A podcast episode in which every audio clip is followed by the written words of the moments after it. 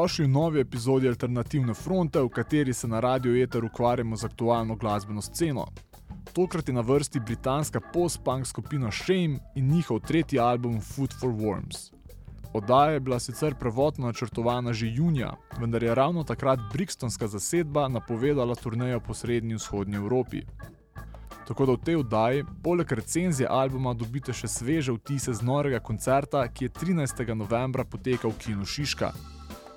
Za vse tiste, ki se skupino srečujete prvič, naj povem, da so Shame londonski post-punk kvintet, ki je na sceno prodrl leta 2018 z debitanskim albumom Songs of Praise. Skupina je del novega vala post-punka, ki je pred približno petimi leti izbruhnil predvsem iz Velike Britanije. Bendi iz tega miljeja pa so po mojem mnenju najbolj relevantni predstavniki rock glasbe v 21. stoletju. Poznajo zgodovino žanra, hkrati pa razumejo današnjo samo nanašalno postmodernistično kulturo, v kateri živimo. Zato ni čudno, da je skupino Shame in ta žanr nasplošno pograbil velik del alternativne mladine, ki je do zdaj poslušala predvsem post-punk klasike kot so Joy Division, The Fall in Wire. V tej oddaji se bomo posvetili novemu albumu Food for Worms, ki je šel v prvi polovici leta. Če je bil debitantski LP Songs of Praise zelo direktno rockerski, se je že na drugem albumu Drunk Tank Pink band začel premikati v bolj alternativne vode. Na novem albumu Food for Worms nam tako skupina ponudi bolj raznovrsten zvok, ki temelji na zvočnem zidu glasnih distorziranih kitar. Na novem albumu je skupini uspelo združiti elemente, ki so morda na prvih dveh albumih še delovali posamično in na trenutke tudi neprepričljivo. Zvok na plati je surov in agresiven, hkrati pa mu je na nekaterih komadih dodana tudi določena toplina in melodičnost, ki je morda manjkala predvsem na drugem albumu. Lahko bi dejal, da je bend odrasel in se glasbeno razvil. Več je raznolikosti v samem zvoku, tudi besedila pa so bolj filozofska in poglobljena. Če je bil prvi album zelo rockersko poskočen in je drugi predstavljal malo bolj umirjeno plat zasedbe, pa je album Food for Worms zmes balad kot so Adderall in Orchid ter bolj naspediranih komadov kot je prvi singel Six Pack. Kot boste slišali, je slednji zgrajen okoli funky kitarskega rifa, ki za post-punk precej neznačilnim vas zvokom poslušalca poskuša spraviti v deliri.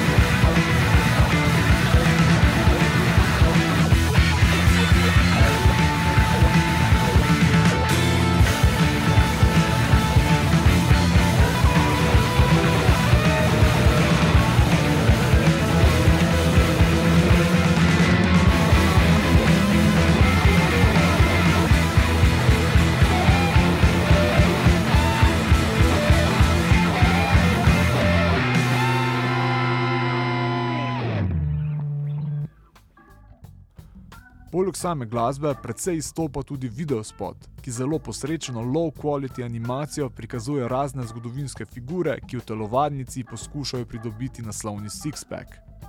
Komad se tudi lepo stopnjuje in je še posebej dober v klimaktičnem zaključku. Album je produciral legendarni Flat, ki je v dolgi karieri sodeloval z večino alternativne scene. Izpostavljam samo sodelovanje z Nine Inch Nails in Smashing Pumpkins. Kljub solidni produkciji pa so Shame v prvi vrsti predvsem izjemen live band. To vam lahko potrdimo vsi, ki smo jih videli nastopati v živo. Poleg izjemne odrske prezence frontmana Charlesa Stina je v prvi vrsti tu še basist Josh Finnerty, ki med igranjem izvaja salte, uprizori šprinte, ki se jih ne bi sramoval niti Usain Bolt, poleg tega pa prispeva še dodatne spremljevalne vokale. Glasba z albuma je v živo še stokrat boljša, tako da je lahko vsem, ki jih ni bilo na koncertu, še kako žal. Saj ob naraščajoči popularnosti vprašanje, če se bo skupina še vrnila v Slovenijo igrati klubske nastope. Koncerta se bodo še posebej spominjali tisti iz prve vrste, ki so s pevcem delili svoje pivo, med zadnjim komadom večera Goat Hole pa je Stinu uspelo stati na rokah publike in je tako zelo dobesedno prizoril misel, da so poslušalci tisti, ki podpirajo glasbenike pri njihovem ustvarjanju. Največji odziv občinstva so sicer po večini dobili komadi iz prve plate, ki je band predstavila širši publiki, vendar pa sta tudi komada Six Pack in Adderall poskrbela za deliri med obiskovalci. Prav tako je pohvalno, da band ne pristaja na klišejske trike, ampak odigra vse koncert v enem kosu ter ne izrablja bisov za grajenje svojega ega. Če je prvi singel Six Pack narejen za skakanje po klubskih odrih, pa je Alibis precej bolj atmosferičen. Predvsem začetek povzroča anksioznost, ki je tako zelo značilna za komade tega londonskega benda. Shame in Alibis.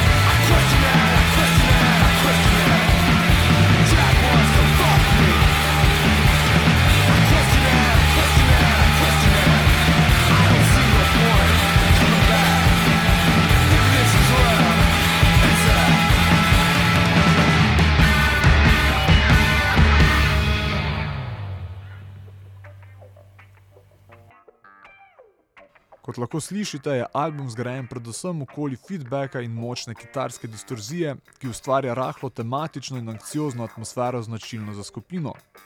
Do skrajnosti prignana distorzija je poleg Sixpacka najbolj izpostavljena predvsem na pesmi The Fall of Paul. Še najbolj podcenjen del skupine so najverjetneje spremljevalni vokali, ki pridejo do izraza predvsem na komadu Adderall. Poleg članov benda jih je za ta komad prispevala tudi indie rockerka Phoebe Bridgers. Komat Adderall je najverjetneje najbolj introspektiven in eksistencialen na albumu. Hkrati pa ima tudi najbolj speven refren na plati.